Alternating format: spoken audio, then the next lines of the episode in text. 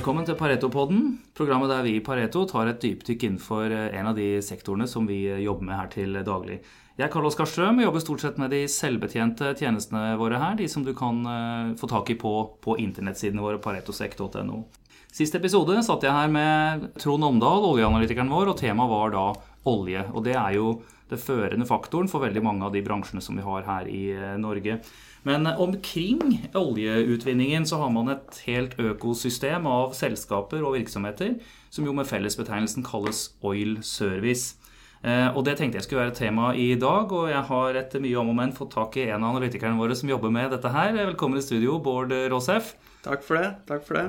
Ja, dere har travle dager om, eh, i, om, om tiden, egentlig. Er, dere er jo stort sett ute og reiser, møter investorer i inn- og utland.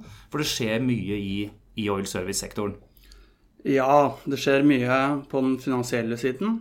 Ehm, det er eh, tregt, eh, men det er eh, flere situasjoner som er interessante for ulike investorer. Ehm, mye såkalte distress-investorer, spesialistinvestorer, som fokuserer på restruktureringssituasjoner og får øynene opp for, for denne sektoren nå. Mm. Pluss at det selvfølgelig er en del restruktureringer og selskaper som, som, som, trenger kapital. Det skal vi komme litt tilbake til, men, men jeg vil spole helt ut først for å beskrive litt for, for lytterne hva, hva, vi mener med oil service. Fordi På verdensbasis så er jo mesteparten av oljeutvinningen er vel egentlig på land. Men når vi snakker om det med et norsk perspektiv, så er det jo offshore oil service som er der man har, har hovedfokus. Eh, og eh, man kan jo grovt sett si at når man skal finne olje, så starter man med leting. Hvis man finner noe, så blir det en utbygging, eller det som vi også kaller for greenfield, at det er nye felter som bygges ut. Eh, så vil feltet komme i produksjon, eller i en driftsfase, som jo varer i en god del eh, år. Underveis her så skjer det gjerne videreutvikling omkring feltene også, det som kalles for brownfield, hvor du tilknytter eh, mindre funn rundt feltet. Og så vil jo på slutten av livssyklusen, og det er det en del felter som er, iallfall i Nordsjøen nå, så har man jo en, en nedstengning av, av feltet igjen. Og ulike selskaper driver jo med alt dette her.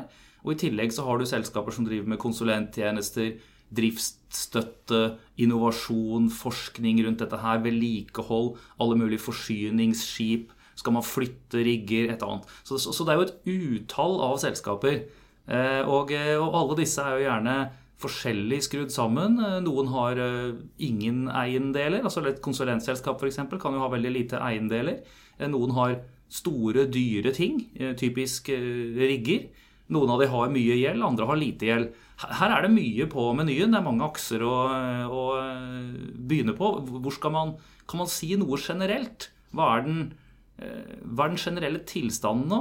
Fordi vi, vi, hørte på Trond Omdal her, og han sa jo at eh, Da snakket vi om, om, om olje. Og han sa at etterspørselen etter olje hadde jo vært veldig stabil. Så, så det er jo etter, etter, fordi Etterspørsel etter oil service må jo være såkalt avledet etterspørsel. Altså, Den kommer ikke hvis det ikke er etterspørsel etter olje. Eh, men så har du, har du dette mellomleddet, som jo da er oljeselskapenes investeringer. Eh, kan du ta oss gjennom hva som har skjedd der de siste årene? Nei, altså Grovt sett så tjener, har oljeselskapene produsert omtrent like mye olje. Eh, produksjonen på global base har økt noe, og for de aller fleste selskapene så vil det da i snitt ha økt noe. Eh, mest av, sikkert som Trond var innpå, vært i i, i OPEC-landene. Eh, så har da prisen falt med rundt 50 mm. eh, De eh, investerte basert på en oljepris på rundt 100 dollar. Eh, nå er inntektene halvert.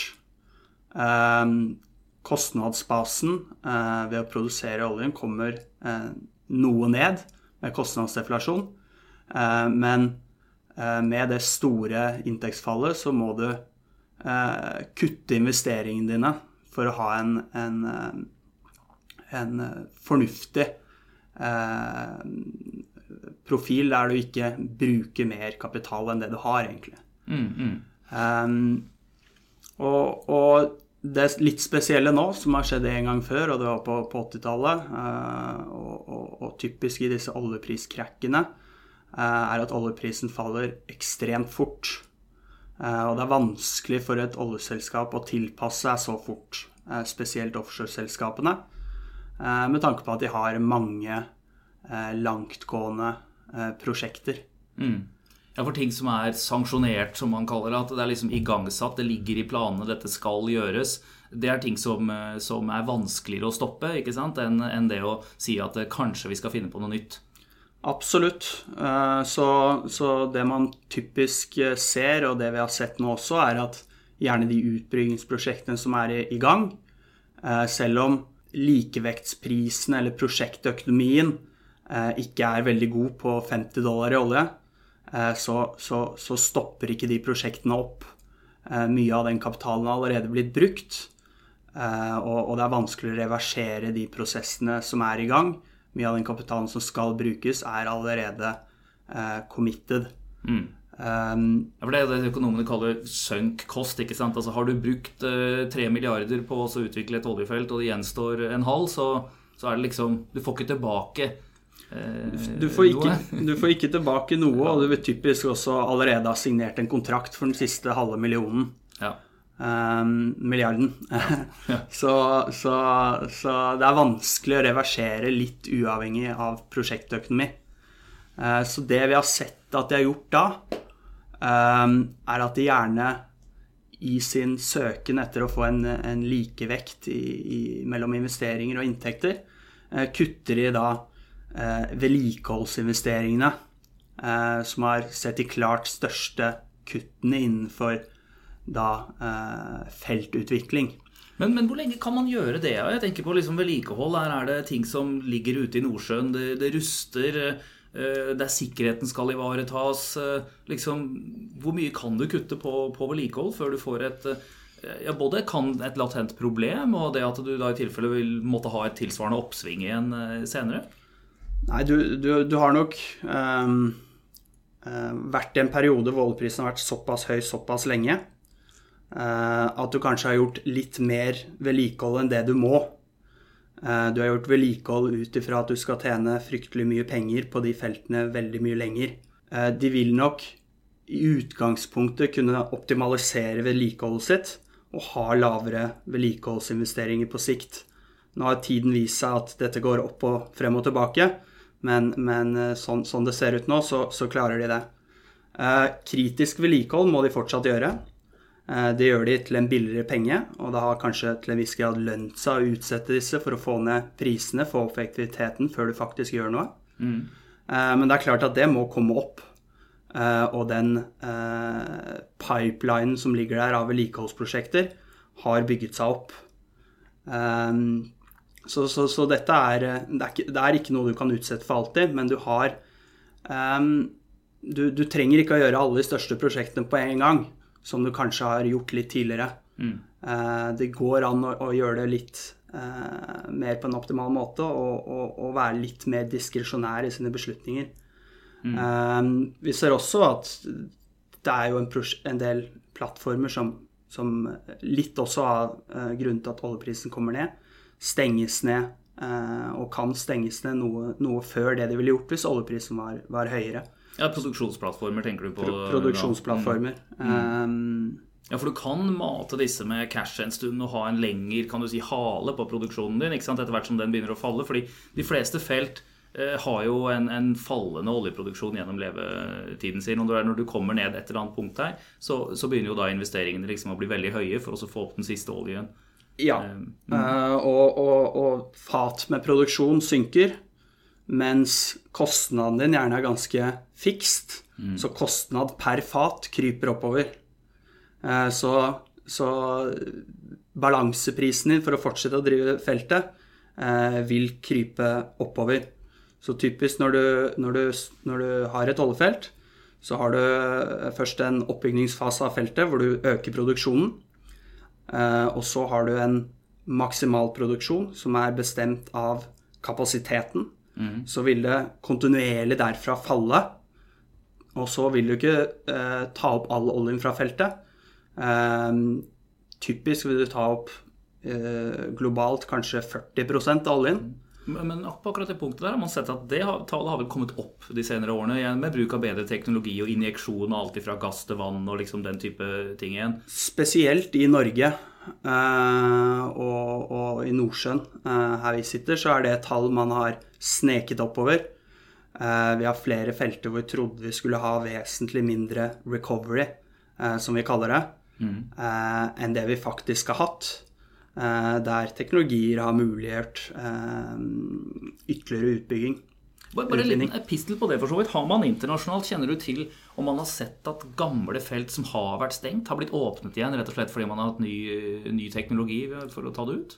Den restoljen som ligger der? Ja, eh, men, men, terskelen for å investere er da mye høyere. Men du har et felt som Yme, eh, sikkert en del som har hørt for, har vært et kriseprosjekt som ja, eh, en del tapte. Som måtte taues ny rett på landet og hogges opp igjen? Riktig, ja. riktig. Det var jo et eksisterende oljefelt. Der et nytt, mindre oljeselskap kom inn. Oljeprisen var høyere. Man mente man skulle få til en billig utvinning hvor man faktisk kunne Eh, rettferdiggjøre å gjøre en stor investering eh, på forhånd for å produsere mer olje fra det feltet. Eh, så det, det er et nærliggende eksempel på det. Mm. Generelt så, så, vil det jo da være lite olje igjen. Og har du fjernet plattformen og bygger en ny plattform, så er det typisk ikke de beste prosjektene som er av den typen. Mm. En del av de altså Om man skal, skal si litt på, på, oljen da, Vi snakket om dette med Trone her forrige uke, og denne, den episoden ligger jo tilgjengelig for de som vil høre den også. Men, men oljeprisen lå jo på et veldig høyt nivå uh, lenge. Det var vel 2011 til 2014 uh, i hvert fall, hvor du så rundt 100-110 dollar fatet. Og, og, det var gode tider, uh, og man begynte å se mot stadig mer vanskelig tilgjengelig og, og, og da også dyr utvinnbar olje. Eh, man så lenger mot nord, man så mot større havdyp, man så på uh, under saltlag, under havbunnen igjen, og den type ting. Um, det ble bestilt mye assets, som vi kaller det, eller altså utstyr. altså En, en rigg er jo en, en, svær maskin, rett og slett. En boremaskin som, som skal være ute i, i sjøen under, under, vanskelige forhold. Dette er ting som koster fryktelig mye penger. Du jobber mye med disse riggselskapene, ikke sant? de som har bestilt den type rigger. Fra du bestiller noe sånt nå til du får det levert, hvor lang tid tar det, og når er det betalingene inntreffer eh, som regel?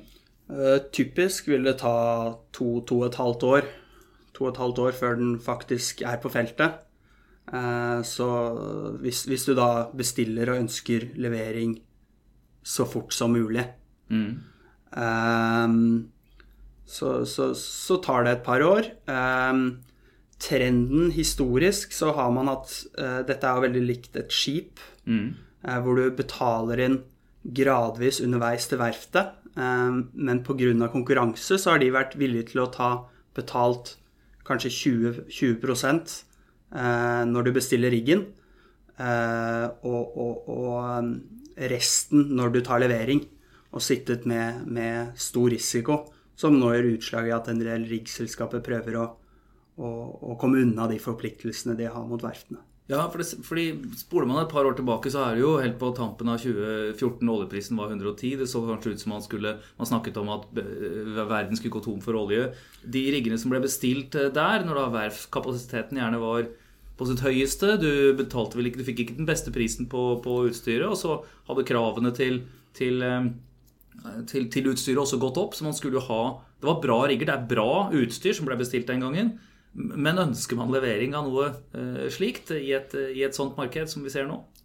Nei, man, man, man gjør ikke det. Um, det er eh, ikke etterspørsel etter uh, den riggen. Man har ikke jobb til riggene som finnes i markedet i dag.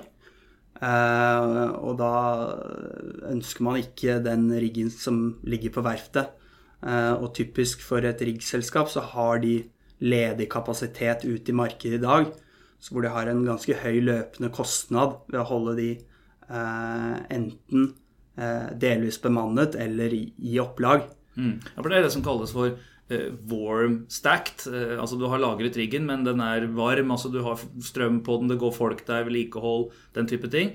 Cold stacked er når, det, når den legges i, i fjæra og, og, og, skrus av. Og Kjører man en tur langs Vestlandet nå, så, så ser du jo du ser jo rigger, du ser båter som ligger i, i opplag.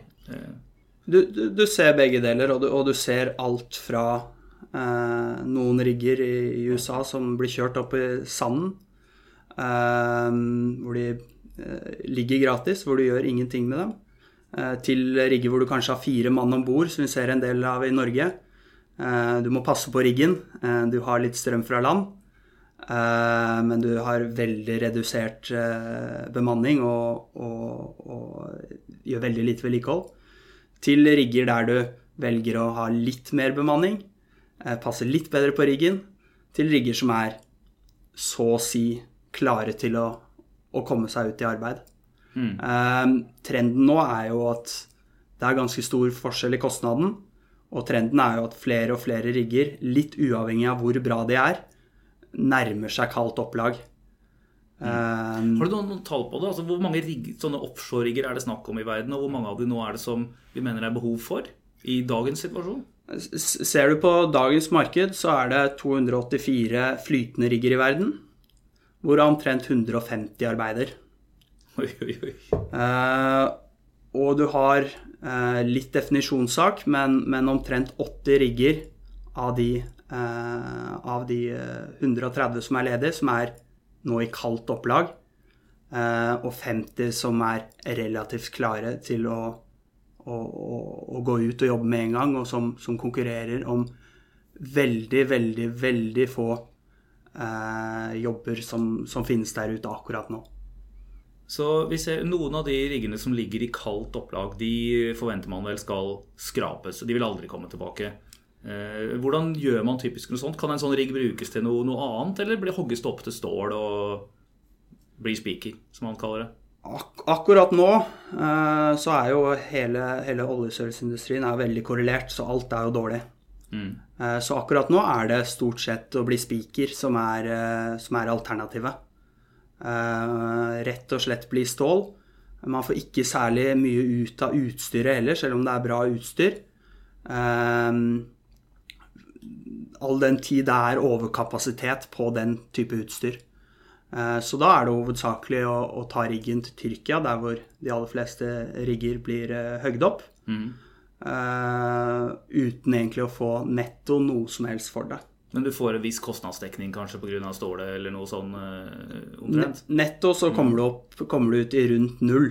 Mm. Uh, du får litt for stålet, men det koster altså litt å, å, å dra den dit, og, og, litt å gjøre arbeidet. Ja, uh, men, men, i den andre enden av denne her prosessen Nå snakket vi om noen rigger de går ut, men, men det kommer jo fortsatt rigger fra verftene?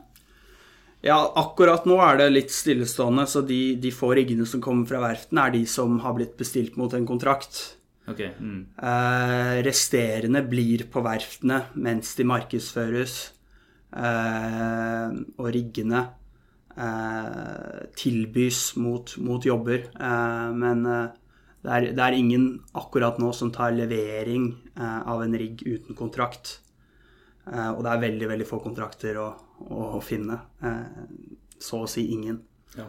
Når man ser på den typiske kontraktene her, er det er det knytta til oljeleting, altså de første bitene av prosessen her? At man skal ut og, og, gjøre leting etter nye felt? Boring, utvikling av felter? Er det, er det der eh, de største jobbene er?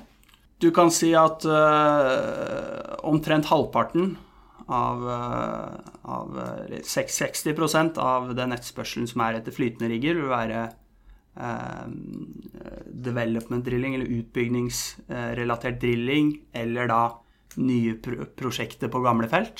Mm. Um, så har du en 10-15 uh, som vil være um, såkalt appraisal drilling, eller drilling rundt eksisterende eh, funn. Ja, Det er for oss å få opp mer av den oljen som liksom ligger under En slags, en slags mellomfase mellom det å finne olje og det å produsere olje. Ja.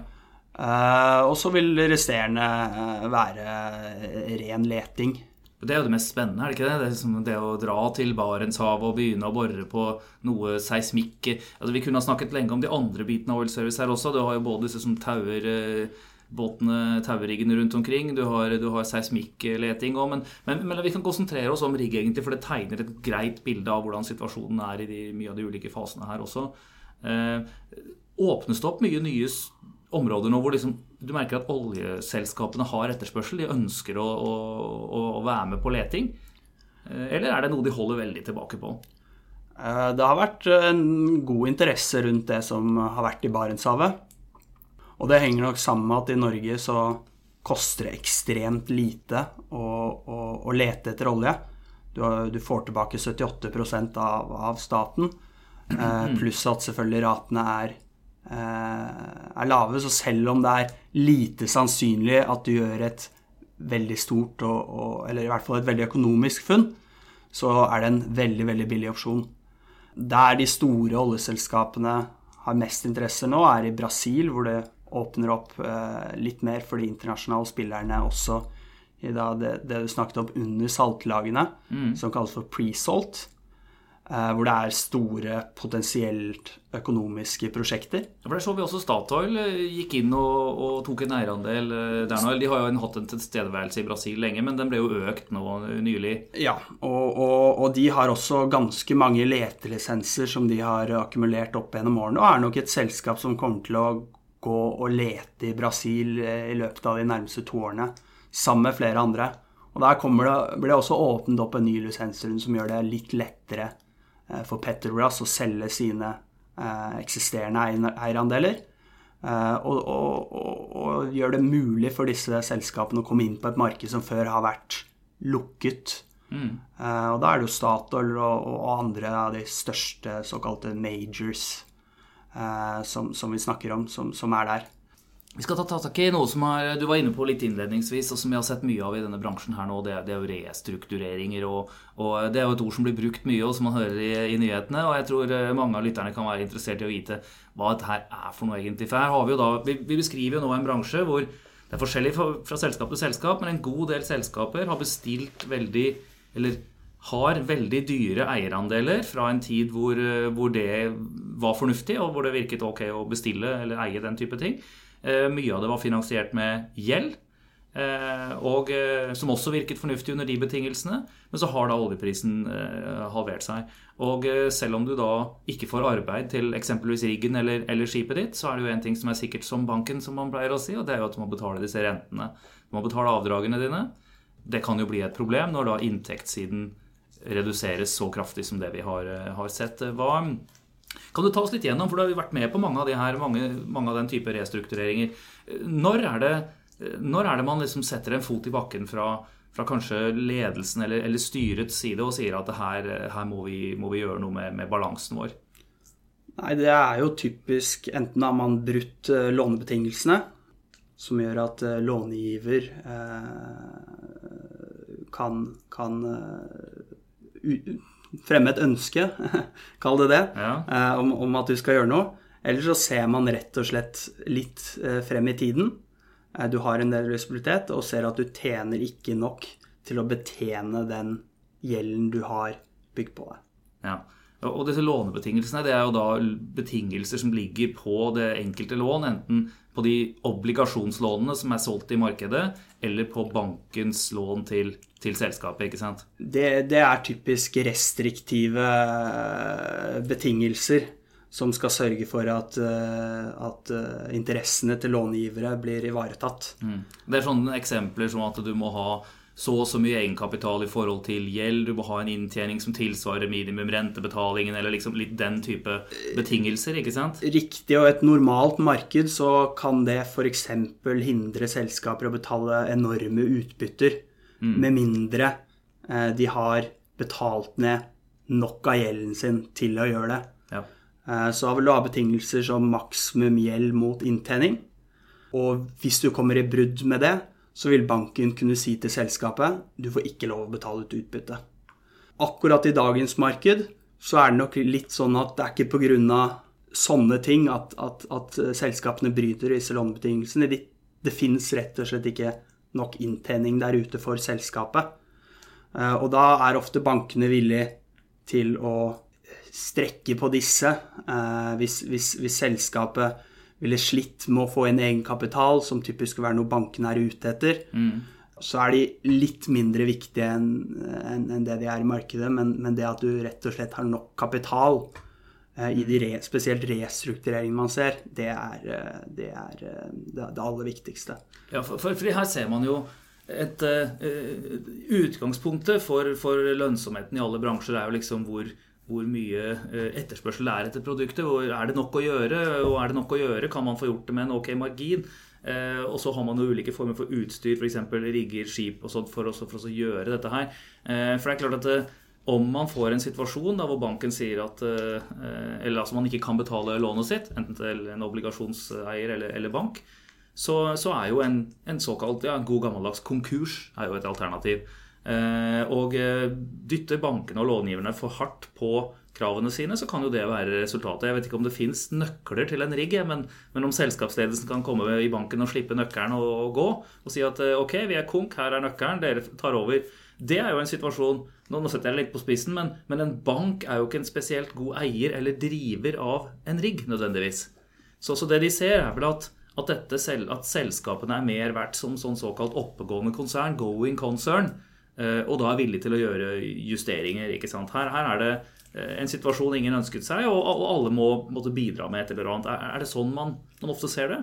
Vi har faktisk sett eksempler på rigger der hvor eh, gjeldshavere har fått nøklene eh, og solgt rigg i, i markedet til en, en 10 av det det kostet å bygge den riggen for, eh, 5 Så det er, det er situasjonsavhengig, men bankene er definitivt villig til å jobbe med aksjonærene.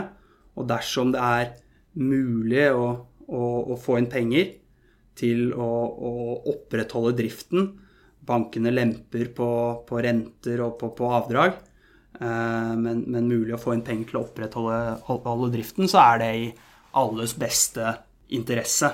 Mm. Eh, det som er med en, en, en, restrukturering i seg selv, er gjerne at det er det å gjøre om på balansen, enten ved å skrive ned gjelden Eh, eller ved å utsette avdrag, eller gjøre en, en, en miks av alt av dette, som du må gjøre før noen er villig til å investere penger i selskapet. Mm, så det, det, gjøres gjerne før du eventuelt kommer og sier, og så fyller man på med kapitalemisjon. La oss si du har bestilt en rigg for, for 600 millioner dollar.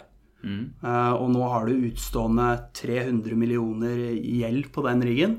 Uh, du tjener Per nå så taper du faktisk penger hvis du ikke har kontrakt, men la oss si du har fått en dårlig kontrakt og tjener 10 millioner dollar i, i året. Så er det ikke Nei, la, la, oss si du faktisk ikke har en kontrakt, mm. uh, men, men, du klarer å gå i, i null. Uh, for, for, å gjøre det litt enkelt, så, så uh, er ikke noen villig til å investere i den riggen på 300 millioner dollar i dag. Spesielt ikke når det finnes andre finansielle in instrumenter der ute, der de implisitt kan kjøpe en lignende rigg for relativt sett mye mindre enn 300. Ja, ja. Mm. Og da må du gjøre en slags justering av den kapitalstrukturen som er der fra før, før du får inn de nye pengene. Eh, hvor i denne prosessen er det typisk meglerhus som, som vi kommer, kommer, inn? Nei, altså vi kommer jo inn som en rådgiver. En finansiell rådgiver. Vi sitter jo og ser på det finansielle markedet hele tiden. Hva er det som er mulig, hva er det som må til for selskapet eh, eller for obligasjonseiere? Og så skal du gjerne da hente noe ny kapital, eh, hvor vi igjen da kommer inn egentlig som vanlig, eh, og i et fungerende marked også, og, hjelper til med kapitalinnhentingen. Ja, for Mye av din jobb er jo å gå ut og snakke med investorene. Så, du, så du, du, kan sitte ved bordet sammen med kan du si, långiver og den type ting og si at uh, dette tror vi må til, eller, eller, det sier markedet, kan du si, basically investorene, da, må til for at man skal tro på det og være villig til å komme med nye penger. Er det, ser jeg det riktig? Eh, det er riktig. Så, så hver dag så sitter jo vi både på analyse og og andre steder og snakker med både aksjonærer og, og långivere, typisk da i mer obligasjonslån, eh, i ulike riksselskaper. Så, så, vi har en viss formening om hva de er villige til å investere i, mm. nye penger, og hva de ikke er villige til å investere i. Mm. Hva er det som er de store temaene der ute nå? Når du møter forskjellige investorer, mye i utlandet var, Du snakket om, om mye hedgefond som nettopp jobber med den type restruktureringer. Eh, hva er det de ser for seg? Hva er de interessert i å høre dere snakke om? Hva er det man ikke er interessert i akkurat nå? Nei, altså Sidril, eh, som eh, er jo et stort navn, ikke bare i Norge, men internasjonalt, der det er eh, ganske mye som må gjøres. Der det har vært eh, bankgjeld som handles, de obligasjonsgjeld som er utstående, og, og, og, der er jo folk veldig interessert i hva som, som kan bli utfallet i situasjonen. Eh, de er aldri interessert i å kjøpe aksjen. Nei. Eh, det koster også veldig mye å, å shorte aksjen. Eh, så jeg er nødvendigvis ikke opptatt det heller, men å se hvilke muligheter på alle deler av kapitalstrukturen finnes ut fra hvordan jeg tror dette kommer til å løses. Mm. I skrivende og snakkende stund så er jo det eneste vi vet, er at, at det pågår en, eh, et scenario hvor man ser på restrukturering her. Og, og, jeg er sikker på at i ettertid vil bli skrevet en tykk bok om, om akkurat den, den prosessen. Eh, men, men, er det andre altså, jeg kan se på Fra vårt synspunkt, da, hvis du ser på bransjen generelt det er jo, Når man ser på naturen, så ser du at ja, av og til så skjer det en skogbrann. Og så går det en stund, og etter det så, så blir det Det gjødsler jo skogbrunnen, og, og, ting kommer opp igjen og gror frem grønnere enn en før. Um, ser det helt kølemørkt og nitrist ut? Er det som Dresden i 1945, liksom? Eller, eller ser man glimt av lys her nå i, i oil service-sektoren, og, og, hvor i tilfelle? Hvordan, hvordan ser vi for oss at dette her vil spille seg ut? Nei, innenfor de sektorene der hvor du De selskapstypisk må restrukturere, der du har store eiendeler og har eh, deretter mye gjeld, ehm, så er det blitt investert i et vanvittig tempo. Eh, og det er store utfordringer. Det er altså 150 rigger, flytende rigger f.eks., som jobber mot over 280 eh, som finnes der ute. Så det skal bli ganske mye bedre før det markedet kommer seg. Mm. Um, generelt uh, har jo oljeprisen stabilisert seg litt. Uh, prosjekter er nå kommet ned på en mye lavere balansepris. Ser vi på snittet på, på, på pipeline vi har her i Norge, så snakker vi under 40 dollar. Så prosjektet begynner å bli økonomiske. Og etter hvert som kapitalforpliktelsene med eksisterende prosjekter går av, oljeprisen stabiliserer seg og forhåpentligvis på et litt høyere nivå, så vil de ha mulighet til å investere i disse prosjektene igjen og markedet balanserer seg. For de store asset-heavy sektorene så tar det lang tid. Ja. Uh, mens for en del undersektorer så kan vi nok begynne å se uh, en bedring allerede kall det inn, inn, i neste år, eller, eller primært mot, mot, 2018, som er mer korrelert med investeringsnivået.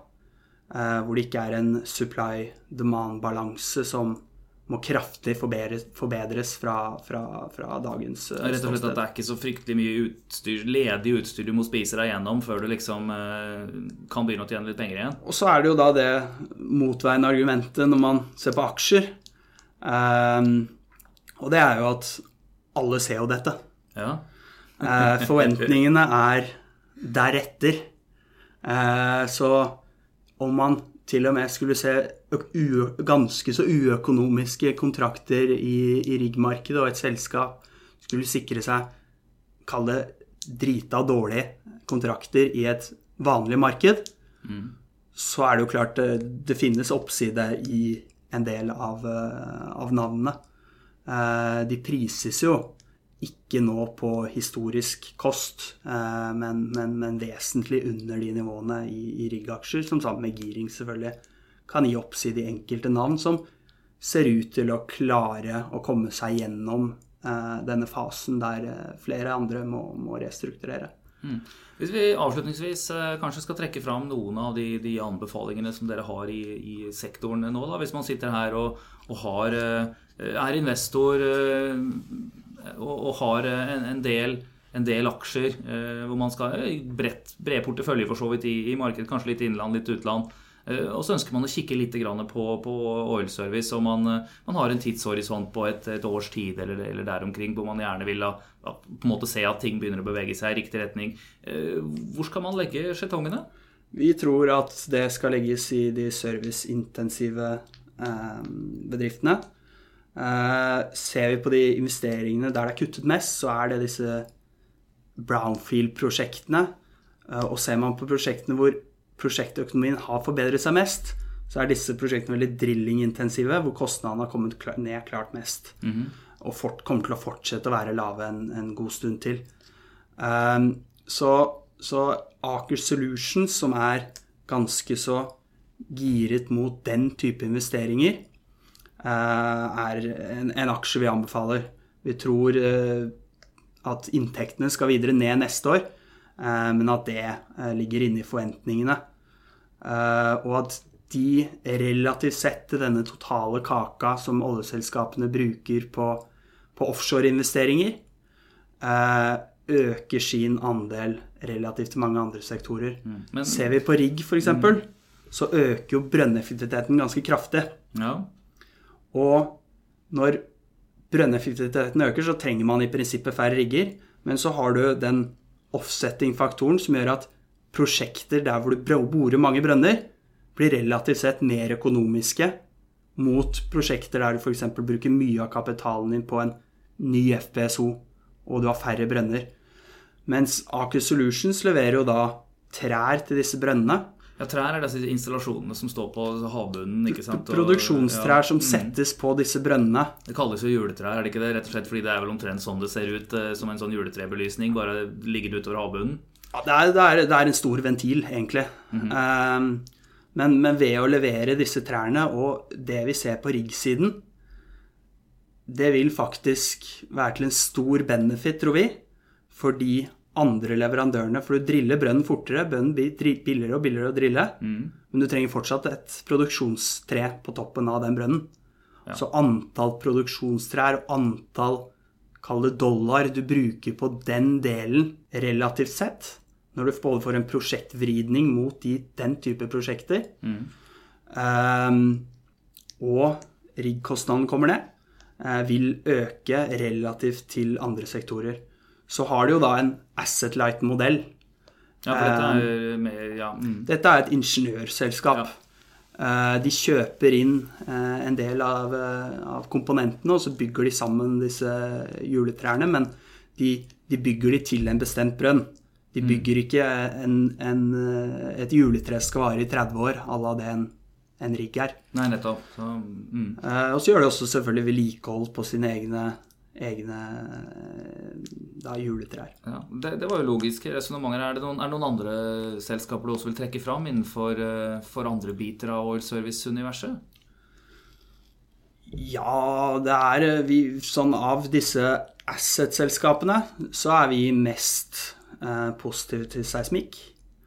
Um, litt fordi det typisk er en, en, en ledende eh, faktor der man kan bruke eh, exploration-penger relativt billig, men også fordi kapasiteten i industrien er allerede justert med 50% ja, Seismikk er jo da de båtene som er ute og, og, og samler inn geologi, geologiske data for havbunnen. ikke sant? Riktig, så det er egentlig... Som selges til oljeselskapene rett og slett for at de vil vurdere hvor det kan være interessant å, å gjøre boringer og ja. Egentlig, egentlig mm.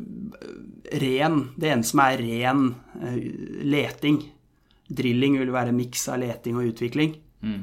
Uh, så, så, det er ren leting, men det er tidligfase, relativt lavrisiko leting.